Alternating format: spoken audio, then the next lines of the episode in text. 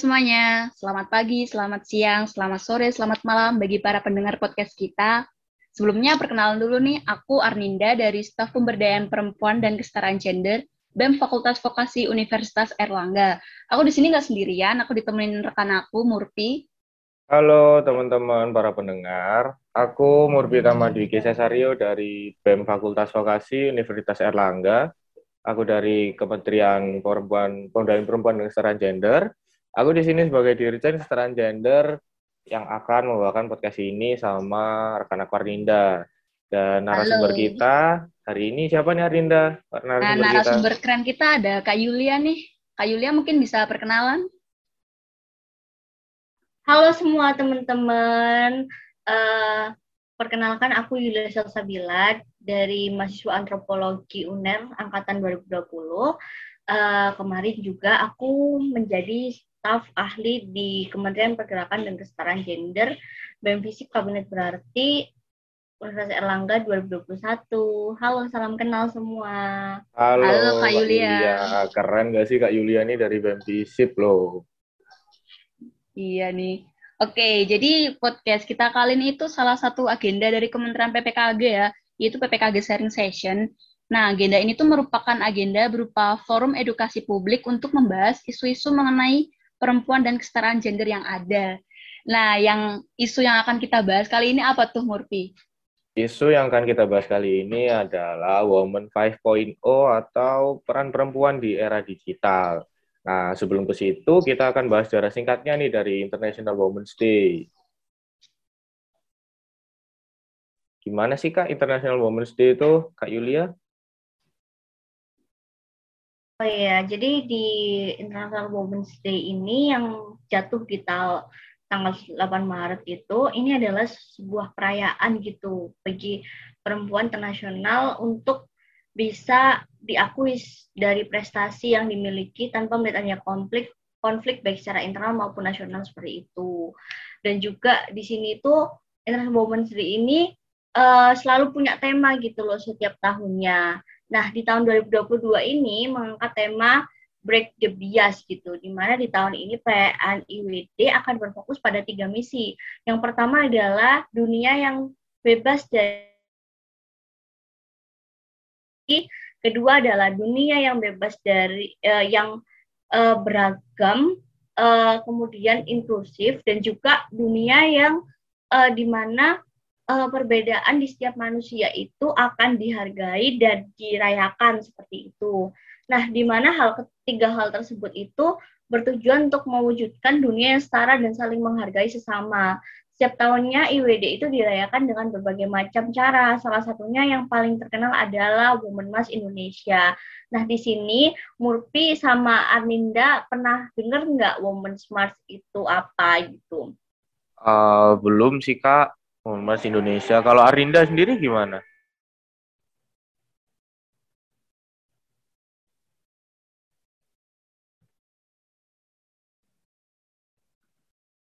Uh, aku juga belum tahu sih Women March Indonesia. Oke oke, jadi um, karena mungkin nih teman-teman juga ada yang belum tahu gitu ya soal Women March. Jadi Women March itu adalah uh, sebuah perayaan yang terinspirasi dari uh, Women March uh, di Amerika gitu yang dulu itu dilakukan untuk menentang uh, pencalonnya Trump sebagai presiden. Nah, di Indonesia sendiri itu kita juga bikin Women March gitu, tapi dirayakan setiap tanggal 8 uh, Maret sebagai uh, bentuk perayaan dari International Women's Day kayak gitu. Nah, di mana pada waktu uh, pada saat Women March itu semua aktivis perempuan dari berbagai kota di seluruh Indonesia itu akan melakukan aksi turun ke jalan dan menuntut perubahan dan kesetaraan gitu khususnya bagi kesejahteraan perempuan. Misalnya menuntut disahkannya RUU gitu kan. Karena kayak kita lihat selama ini kasus kekerasan seksual itu sudah meningkat gitu setiap kali meningkat dan istilahnya udah darurat lah. Tapi sampai sekarang tuh nggak pernah ada regulasi yang mengatur mengenai pelecehan seksual ini gitu dan juga nggak ada dan uh, istilahnya ya undang-undang yang ada sekarang kayak tentang pencabulan dan pemerkosaan itu dianggap masih belum bisa mengakomodasi gitu loh kebutuhan para penyintas seperti itu. Nah, juga di Entrance Women uh, di Women March ini juga ada kampanye yang dulu itu kayak uh, sering jadi perdebatan gitu yaitu kampanye tubuh otoritasku di mana uh, ini tuh sebagai bentuk protes kalau uh, perempuan itu sering kali masih dianggap objek gitu, dianggap benda yang diperjualbelikan gitu ya. Mungkin uh, teman-teman di sini tuh pernah dengar nggak kayak perempuan itu sering kali dilihat dari fisik gitu, kayak dari cantiknya gitu. Kadang mereka itu gak dihargai dari kemampuan-kemampuannya yang lain kayak gitu. Itu kan salah satu contoh kecil gitu, di mana perempuan dijadikan objek gitu bagi uh, uh, di masyarakat kayak itu. Atau misalnya ini deh yang paling mungkin uh, dipahami. Uh, pernah tahu Arkulun Uner cantik gak? Nah, pernah. Tahu tahu tahu. Ya, ya tahu kan. Follow Pastinya. Follow siapa nih yang follow? follow itu. Ya, jadi ini teman-teman ya ini edukasi ya. Jadi uh, uner cantik atau akun-akun cantik yang lain itu kan uh, sering kali uh, ngepost foto teman-teman kita gitu kan. Nah, salah satu hal yang kontroversial dari mereka adalah mereka itu bikin istilahnya um, story yang ngevote cewek-cewek itu kayak ini ya apa enggak kayak gitu. Itu kan istilahnya uh, kita tuh bisa dinilai gitu loh, diobjektifikasi istilahnya. Nah, itu satu bentuk objektifikasi perempuan sih sebenarnya unen-unen akun-akun cantik kayak gitu. Nah, juga selain itu ya mungkin karena pandemi juga nggak mungkin kita untuk turun ke jalan kayak gitu kita juga bisa melakukan aksi secara online gitu dengan uh, dengan memakai hashtag hashtag break the the bias gitu sesuai tema Women Mars uh, Women's Day tahun ini kayak gitu uh, di mana teman-teman bisa ngepost video atau foto gitu dengan tangan mengepal seperti sayap uh, untuk merayakan IWD 2022 ini kayak gitu. Oh, oke okay, oke okay, oke. Okay. Jadi teman-teman nih buat para pendengar yang mau ikut berpartisipasi dengan berkampanye terkait IWD ini, yuk sama-sama kita berkampanye di sosial media. Gampang banget loh kampanye di sosial media itu tinggal post pakai hashtag break the bias. Gimana nih Kak Ninda? Ya benar-benar banget. Uh, keren banget ya penjelasan dari Kak Yulia tadi. Mungkin bisa dilanjutkan Tadi kan tema kita perempuan di era digital kan nih. Nah, sebelum itu teman-teman mungkin perlu mengenal peran perempuan secara general. Nah, di sini aku mau sedikit jelasin peran perempuan secara general. Jadi perempuan saat ini tuh bukan sekedar menuntut persamaan hak, tapi juga menyatakan fungsinya mempunyai arti bagi pembangunan dalam masyarakat Indonesia. Nah, melihat potensi perempuan ini sebagai SDM, maka upaya menyertakan perempuan dalam proses pembangunan tuh bukan hanya merupakan peri kemanusiaan belaka, tapi juga tindakan yang cukup efisien. Karena perempuan terbukti bisa memberikan banyak kontribusi nih terhadap masyarakat. Nah, untuk analisis peran perempuan itu dapat dilakukan dari dua perspektif. E, bisa di perspektif, dari perspektif berurusan dengan pekerjaan produktif atau biasa kita sebut domestik dan pekerjaan produktif atau publik. Ada beberapa peran-peran yang bisa kita tahu yaitu yang pertama peran tradisi. Peran tradisi peran tradisi ini tuh menempatkan perempuan dalam fungsi reproduksi. Kayak contohnya mengurus rumah tangga, melahirkan, terus serta mengayomi suami dan dan uh, lain-lainnya. Pokoknya pembagian kerjanya tuh sangat jelas, yaitu perempuan di rumah dan lelaki di luar rumah. Terus yang kedua, peran transisi, yaitu mempolakan peran tradisi lebih utama dari peran yang lain. Pembagian tugasnya tuh mengikuti aspirasi gender, tetapi eksistensinya itu mempertahankan keharmonisan dan urusan rumah tangga, tetapi tanggung jawab perempuan. Terus yang ketiga mungkin uh, ada dua peran memposisikan perempuan dalam kehidupan dua dunia, yaitu menempatkan peran domestik dan publik dalam posisi yang sama pentingnya. Dukungan moral ini tuh suami pemicu ketegaran atau sebaliknya keengganan suami akan memicu keresahan atau bahkan menimbulkan konflik terbuka atau terpendam. Terus yang keempat, peran egalitarian yaitu menyita waktu dan perhatian perempuan untuk kegiatan di luar. Terus yang terakhir tuh peran kontemporer yaitu dampak pilihan perempuan untuk mandiri dalam kesendirian jumlah belum banyak. Akan tetapi benturan demi benturan dari dominasi lelaki atas perempuan yang belum terlalu peduli ini tuh pada kepentingan perempuan mungkin akan meningkatkan populasinya ya. Jadi pada intinya perempuan dalam menjalankan perannya dalam masyarakat tuh tergantung pada budaya masyarakat di mana ia tinggal dari sudut pandang peran antara laki-laki dan perempuan, keduanya itu sama-sama melaksanakan peran dalam ranah domestik atau publik bahkan sosial. Namun dalam kenyataannya peran domestik ini tuh lebih banyak ditanggung oleh perempuan, teman-teman. Keren banget ya, berarti banyak sekali gitu ya peran-peran perempuan gitu di dalam masyarakat kayak gitu. Mungkin aku mau nambahin dikit kali ya. Tadi kan uh, mau mau berpendapat sih sebenarnya Arminda. Ya, Jadi uh, gini, tadi kan disebutkan bahwa uh, perempuan itu juga punya dua fungsi kayak gitu. Jadi antara di ruang publik maupun domestik kayak gitu. Nah, tapi sebenarnya uh, misalnya kayak ya kita tahu sendiri ya mungkin ibu kita sendiri kayak gitu yang di mana dia bekerja kayak gitu terus nanti pulang dia itu berkewajiban untuk ngurus rumah tangga kayak gitu nah hal itu emang bukan sesuatu yang salah sebenarnya atau bukan hal yang tabu di masyarakat bahkan banyak juga kan udah secara umum banget dipraktekkan di masa sekarang gitu kan uh, jadi peran-peran perempuan itu sekarang udah nggak domestik lagi kebanyakan mereka juga kerja istilahnya gitu nah tapi um, sebenarnya ada yang bisa disoroti dari hal ini kayak gitu.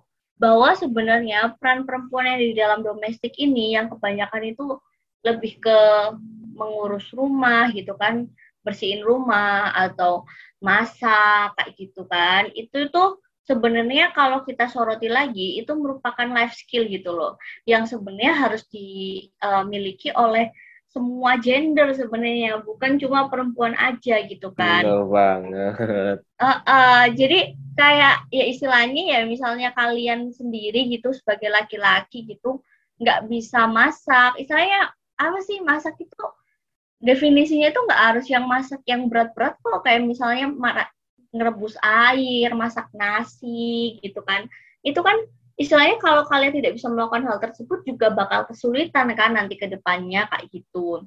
Nah, uh, jadi hal-hal seperti itu itu sebenarnya adalah sebuah life skill yang harus dikuasai semua gender kayak gitu. Uh, kalau kalian nggak bisa bersihin rumah, ya nggak bisa nyapu ya, ya rumah kalian akan kotor kayak gitu kan. Atau kamar kalian deh istilahnya, atau sesimpel kamar kita deh, kamar kita sendiri kalau kotor kan juga nggak nyaman untuk ditempatin gitu kan kayak gitu. Nah, juga mungkin ini juga sering kali gitu uh, teman-teman itu pernah nggak sih dikasih tahu kayak om, tante atau kakek kayak gitu kayak kalian tuh sepinter-pinternya di sekolah pun akan kembali ke dapur kayak gitu. Iya, atau sering sering banget itu kak. Pernah nggak? Pernah. Itu Anina pernah. Sering ya, ya? pernah. Tapi ya maaf maaf nih itu menurutku sendiri juga pemikiran yang masih masa lampau banget nggak sih kak? Iya tapi kayak bener itu kayak udah old old school banget gitu kan. Tapi ya tetap aja masih dipraktekkan gitu lah istilahnya di sekarang kayak gitu jadi ya istilahnya apa ya hal padahal kayak hal tersebut itu tidak boleh menjadi standar loh sebenarnya bagi seseorang itu dikatakan sebagai perempuan apa enggak kayak istilahnya ya misalnya kita itu dikasih tahu tentang perempuan tuh ujung-ujungnya ke dapur berarti misalnya kalau ada perempuan yang memang tidak terlalu suka untuk di dapur atau melakukan kegiatan yang ada di dapur, dia itu berarti kurang perempuan dong. Kayak gitu kan. Berarti kan iya. sebenarnya nggak adil banget kan. Kayak kita itu dianggap kurang perempuan hanya karena tidak bisa tidak tidak menyukai kegiatan memasak kayak gitu. Padahal Gimana? tolak ukurnya bukan gitu. Masalah masak, bersih-bersih rumah kan tuh bener tadi Kak Yulia itu life skill, nggak selalu cewek yang bisa, nggak harus semua semua cewek, cowok juga harus bisa kan. Ya, bener banget gitu kan. Kayak uh, ya juga menurut aku ya uh, kita itu walaupun nggak bisa masak ya kita tuh tetap perempuan loh sebenarnya. Maksudnya kita kan ada perbedaan antara uh, seks, jenis kelamin dan juga gender gitu kan. Jadi ketika kita itu uh, memang uh, ketika kita itu nggak bisa masak, kita tuh tetap berje, ber, jenis kelamin perempuan kayak gitu gimana ya, ya, dan tolak oh, ukur gimana bisa dirubah, perempuan gitu. atau laki-lakinya juga bukan karena memasak atau hal-hal seperti itu ya kita laki-laki kita perempuan nggak ada tolak ukur terkait bisa masak atau enggak kan? iya benar benar banget. Jadi itu tuh harus dikuasai oleh semua orang lah istilahnya. Nggak peduli dia perempuan laki-laki atau gender tertentu kayak gitu. Oh. gitu sih kalau menurut aku. Benar-benar gimana menurut kak Ninda? Ya benar sih yang dibilang sama Kak Yulia tadi kayak ya masak, nyuci, nyapu itu life skill bukan cuma peran perempuan doang. Jadi kayak murpi gitu tuh juga nggak apa-apa masak. Tapi nggak bisa sih kak. Soalnya cuma bisa masak Indomie, gimana dong? Iya, nggak apa kan itu juga sama-sama masak kan, ya kan? Iya. Oke, oke, oke. Nah, gimana nih teman-teman habis kita membahas terkait tadi. Nah, kita kembali lagi nih ke tema yaitu perempuan memiliki peranan besar di era digital karena sekarang kan lagi gencar-gencarnya era digital, artificial intelligence, AI atau yang lain-lain itu tuh. Nah, perempuan di sini juga punya potensi buat memajukan bangsa Indonesia di era digital. Tapi ada suatu ketimpangan antara laki-laki sama perempuan nih yang dinilai juga masih sangat besar ketimpangannya. Padahal potensi perempuan di era digital ini sangat-sangat berpengaruh dan sangat-sangat besar. Perempuan sekarang juga nggak takut sama perkembangan digital ya kan. Nah, peranan perempuan sendiri di Indonesia ini dalam perkembangan transformasi itu juga sangat luar biasa. Buktinya saat ini banyak banget founder startup dari kalangan perempuan. Yang pertama, kalau teman-teman tahu tuh Hijab. Hijab itu sebuah e-commerce yang fokus di bidang fashion muslim. Nah, Hijab ini dibangun oleh Diajeng Lestari dan dia mampu mengembangkan hijab ini sampai besar dan menembus pasar internasional di 2016. Selain itu ada Founder Institute of Social Economic Digital atau ISED yang dibangun oleh Sri Adiningsih.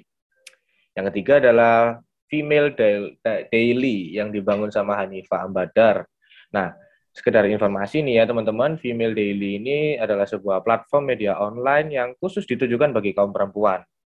Nah, si founder ini Hanifa Abadar memulai Female Daily ini dari sekedar blog fashion padahal ya. Awalnya itu cuma blog fashion personal lagi pada tahun 2005. Tapi pada akhirnya Female Daily ini berkembang jadi media informasi yang terbilang sangat besar. Nah, Female Daily ini dikabarkan mendapatkan pendanaan hampir 1 juta US dollar atau sekitar 13 miliar untuk ekspansi bisnisnya atau membesarkan bisnisnya itu. Nah, Selain itu juga masih banyak lagi loh platform-platform atau usaha-usaha yang dibangun oleh uh, perempuan-perempuan Indonesia. Nah, perempuan Indonesia ini maju dan berkembang secara luar biasa karena perjuangan ibu kita Kartini. Nah, perempuan Indonesia ini hadir dan eksis di semua aspek kehidupan sejak kemerdekaan dan juga dalam era digital. Potensi dan peran perempuan di era digital tetaplah penting dan strategis dalam kemajuan bangsa. Perempuan Indonesia siap dalam transformasi digital di Indonesia. Nah, teman-teman, dalam perjalanannya juga nih, perempuan memiliki peran dan tantangan yang berat, yang mulai dari adanya ketimpangan, dari kualitas sumber daya manusia, dari literasi, serta pemahaman digitalisasi antar gender dan daerah-daerahnya. Namun, perempuan juga memiliki potensi loh dan peranan strategis di era digital. Nah, menurut Kak, Yulia nih, tolong informasinya dong. Kita kan juga sama-sama belajar nih, Kak Yulia yang udah paham terkait Yulia, perempuan gimana? Oke, gimana? Oh, udah Jadi, balik. Tadi seru banget ya soal female daily tadi ya. Jadi kayak dia itu sebuah blog fashion yang dari blog pribadi terus akhirnya bisa jadi salah satu startup yang gede kayak gitu oh, ya. benar. Dan mungkin teman-teman juga ngikutin nih tadi kemarin tuh Female Daily bikin acara juga nih di UNER soal acara apa uh, webinar webinar mereka sih di UNER apa ya aku lupa namanya uh, tapi mereka kayak istilahnya juga nge out para mahasiswa gitu untuk juga bisa istilahnya uh, maju juga gitu loh dalam bidang uh, startup kayak gitu. Gitu. Nah terus nih kalau tadi kita bahas ya tadi kan Female Daily itu juga salah satu startup sukses yang punya banyak pendanaan gitu ya hampir 13 miliar gitu kan. Nah sebenarnya um, di Female Daily ini salah satu bentuk contoh dari uh, implikasi dari adanya gender lens investing gitu. Nah, pernah dengar nggak teman-teman soal gender lens investing ini apa? Uh, belum dengar sih Kak tentang JLA ini. Aku juga belum pernah dengar sih Kak. Oke, jadi ini kalau aku ngutip dari Magdalene ID ya, jadi uh, eh, GL itu merupakan sebuah integrasi, integrasi dari analisis gender dalam bentuk analisis keuangan kayak gitu. Jadi misal, jadi uh, secara singkatnya sih kalau uh, biasanya itu kan dalam sebuah perusahaan kita itu kayak mau uh, ada pendanaan gitu ya atau investasi kayak gitu. Nah, um, dalam GLI ini diperlukan uh, kacamata gender gitu loh dalam uh, memilih siapa perusahaan yang akan didanai apa enggak kayak gitu. Jadi uh, analisis gender ini digunakan untuk bisa uh, membuat keputusan dan peroleh hasil investasi yang lebih baik ini, uh, lebih baik gitu. Nah, kenapa hal itu penting? Karena masih banyak gitu loh perempuan yang belum menerima fasilitas atau kesempatan sebesar laki-laki, terutama di masa pandemi gitu. Nah, perempuan ini kayak sering kali tidak mendapatkan akses terhadap jaringan bisnis dan juga kesempatan investasi seperti halnya laki-laki gitu. Coba kayak kita lihat ya, ini kita lihat di fakta yang ada di lapangan gitu ya. Mungkin kita um, banyak ya startup-startup Indonesia yang sebenarnya udah besar gitu, atau masuk dalam kategori unicorn gitu. Coba apa aja yang besar, yang mungkin Murphy sama Aninda tahu gitu. Startup oh, ya, kurang guru itu Iya kayak ya, ruang guru. Uh, Terus startup kayak online online Lazada, shop. Shopee nah, itu. Gitu, nah, kayak gitu. Oke, terus ada kalau di Indonesia itu ada Gojek gitu ya. Benar. Nah, ya. Tuh. Nah, kalau kita lihat ya startup-startup yang besar kayak tadi itu emang mayoritas pemimpinnya siapa dong?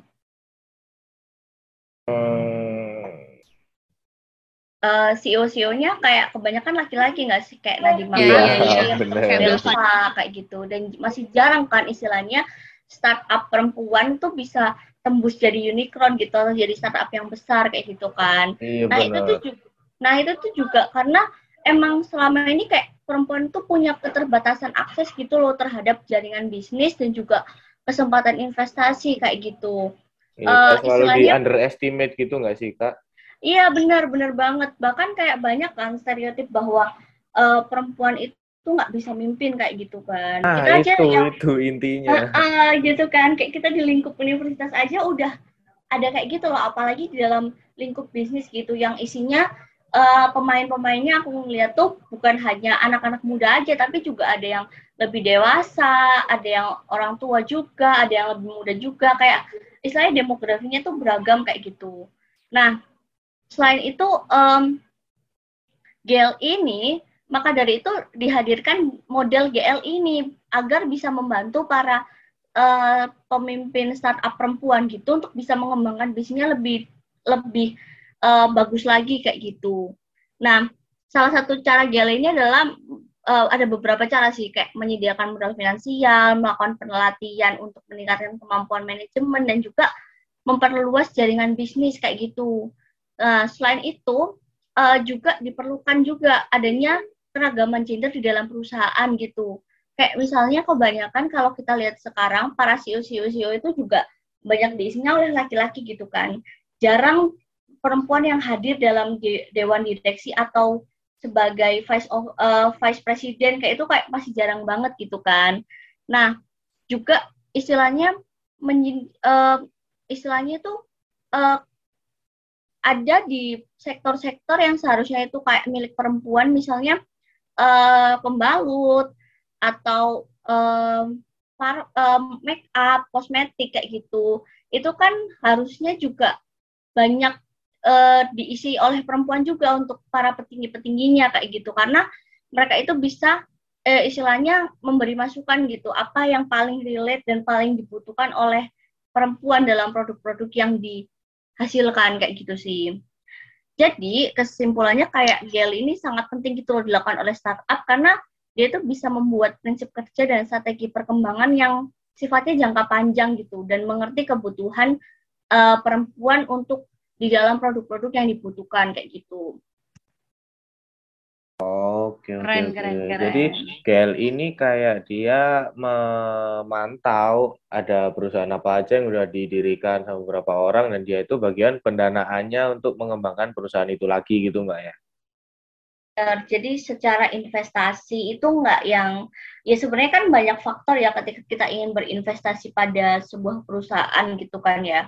Tapi istilahnya dalam GLI ini unsur gender itu juga dimasukkan gitu loh. Kayak apakah perusahaan ini tuh bisa ramah gender, apakah perusahaan itu uh, mendukung adanya RUU PKS mungkin? Atau oh, gitu. uh, uh, kayak gitu. Atau memang produk-produk yang dihasilkan perusahaan ini tuh bisa membantu banyak perempuan kayak gitu. Jadi dia nggak semata-mata berfokus di pengembangan perusahaan dan investasinya, tapi dia tetap fokus di kacamata gender itu tadi, dia ramah iya. gender atau gitu kan. Uh, uh, oh, jadi, keren, keren, keren. Hmm, jadi kayak istilahnya memberi kesempatan lah bagi perusahaan-perusahaan startup di luar sana yang saya bagus dan ramah perempuan gitu atau CEO-nya perempuan gitu untuk bisa mengembangkan jaringan bisnisnya bisa lebih luas lagi kayak gitu.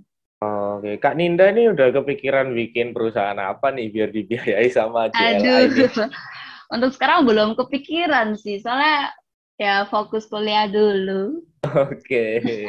ya semangat ya Kak Ninda, habis ini langsung jadi business woman gitu ya. Ya sebenarnya dari dulu juga pengen jadi CEO gitu, cuman Oh gitu. Kan uh, uh, kayak itu tuh di drama startup itu ya kan sih ah, iya iya iya iya gitu Aduh, Bisa bahas sih. drama Korea nih nggak paham nih aku nih. oh, berarti nggak pernah nonton drama Korea ya gitu? Kalau aku aku nonton cuman startup doang kok juga. Oh gitu, ya ya. Emang jiwa-jiwanya nih, ini emang business woman gitu kayaknya uh, deh. Belajar sih belajar. belajar ya ya benar benar benar. Oke. Ya, nah selama pandemi COVID nih Kak Yulia sama Kak Ninda nih, peranan perempuan di era digital nih selama pandemi gimana sih? Uh, kalau menurut aku tuh peran perempuan di era digital selama pandemi ini tuh menjadi semakin sentral ya.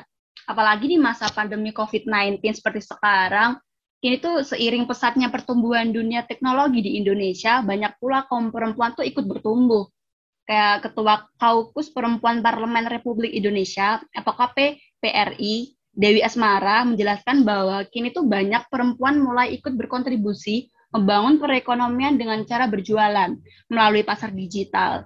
Nah, khususnya para pelaku UMKM nih, menurut data yang ada sekitar 80% orang yang mempunyai UMKM itu perempuan. 80% dari 100% itu perempuan loh. Keren banget ternyata baru tahu loh aku kalau pemilik UMKM itu 80% tuh perempuan loh. Kak Yulia nih gimana nih pendapatnya? Oh iya sih, kayak ternyata emang di banyak ya kalau kita ngelihat tadi perbandingannya kalau dalam startup tuh masih memang dikit gitu ya untuk dipegang perempuan. Ternyata tapi di sektor bisnis yang lain itu perempuan tuh juga memegang peranan penting gitu kan. Bahkan sampai 80% tuh diisinya oleh perempuan. Nah, jadi uh, gini sih kalau menurut aku uh, tadi kan aku sampaikan bahwa ada GLI gitu kan, ada gender land investing kayak gitu. Nah sebenarnya GLI itu nggak nggak boleh itu hanya fokus kepada startup saja gitu. Uh, seharusnya GLI ini juga bisa fokus kepada unit usaha yang lain gitu kayak misalnya UMKM. Uh, misalnya tuh ada nih salah satu program dari Bank BTPN Syariah gitu, di mana mereka itu mengembangkan sebuah unit usaha syariah yang uh, fokusnya itu untuk memberdayakan perempuan di pedesaan yang berpenghasilan rendah. Nah, mungkin kayak teman-teman tahu kan kalau uh, tem, uh, mungkin ibu-ibu di desa itu kebanyakan berpendidikannya rendah kayak gitu. Akhirnya uh, banyak juga orang-orang di desa itu juga uh, kadang nggak punya dokumen-dokumen yang bisa digunakan untuk ngurus bank. Kayak misalnya mereka nggak punya akte kelahiran nih kayak gitu. Kadang kan orang zaman dulu itu lupa gitu kan nggak dicatat gitu hari kelahiran. Jadi mereka nggak ada akte kelahiran gitu. Atau mereka nggak ada kartu keluarga kayak gitu. Karena uh, jarak kantornya dari rumah mereka itu sangat jauh kayak gitu. Nah itu kan sebenarnya menghambat juga bagi perempuan untuk bisa uh, mengajukan bantuan atau istilahnya uh, pinjaman gitu kan ke bank. Nah, maka dari itu di uh, di sini tuh kayak dibantu gitu untuk bisa mengajukan pinjaman seperti itu. Nah, program ini yang digagas oleh uh, BTPN Syariah ini ternyata sukses gitu untuk bisa menurunkan persentase anak yang nggak sekolah dari 14,7 persen itu ternyata menjadi 9,6 persen gitu. Sehingga kan salah satu ini kan menjadi salah satu contoh di mana investasi pada perempuan itu sangat uh, penting kayak gitu kan. Di mana bisa memperluas target pasar karena kan mayoritas perempuan itu punya daya beli pasar yang besar gitu. Di mana misalnya kayak gini deh, ibu kalian deh, um, kalau misalnya di rumah sabunnya habis atau san, uh, sabun cuci piringnya habis gitu kan. Uh, terus ada uh, pancinya bocor gitu. Uh, kira-kira terus juga kalian misalnya dulu seragam sekolahnya robek gitu. Kira-kira yang bakal membuat keputusan untuk membeli hal tersebut tuh siapa kalau menurut kalian? Ibu sih. Ibu saya sendiri sih pasti. Iya kan? Ibu saya sendiri nggak kan? punya ya. inisiatif buat gitu. Iya kan, biasanya seperti itu kan. Jadi kalau misalnya di, kita tiba-tiba nggak tahu, tiba-tiba udah ada sabun aja tuh di rumah, udah ada sikat gigi aja tuh, kita tinggal pakai aja gitu kan. Benar, nah, sebenarnya tuh kayak istilahnya itu tuh udah nunjukin gitu loh kayak peran perempuan dalam bidang bisnis itu seperti apa gitu. Karena keputusan pembelian di dalam rumah tangga itu tuh sering kali ada di tangan perempuan gitu, ada di tangan ibu kayak gitu. Mereka kan yang sering kali uh, apa istilahnya megang uh, uang bulanan kayak gitu. Terus mereka yang ngelis belanja kebutuhan apa selama sebulan kayak gitu. Jadi sebenarnya uh, dengan adanya general investing ini itu tuh uh, istilahnya juga menguntungkan perusahaan gitu loh. Dengan perusahaan itu menghadirkan produk-produk yang ramah perempuan dan yang mencakup kebutuhan perempuan, perusahaan itu juga bisa meningkatkan profitnya juga kayak gitu. Karena 80% keputusan pembelian itu ada di perempuan seperti itu.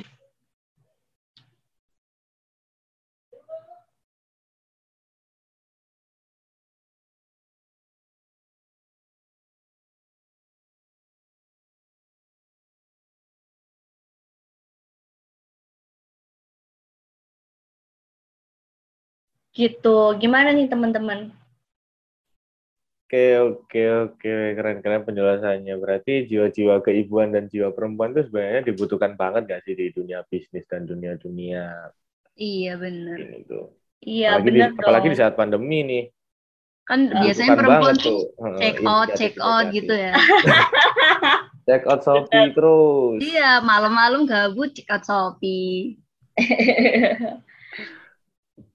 ya benar-benar seperti itu sih kayak gambarannya gitu. Tapi sering dilupain sih hal tersebut kan akhirnya kayak gitu. Kita kadang nggak menyadari hal tersebut kayak gitu.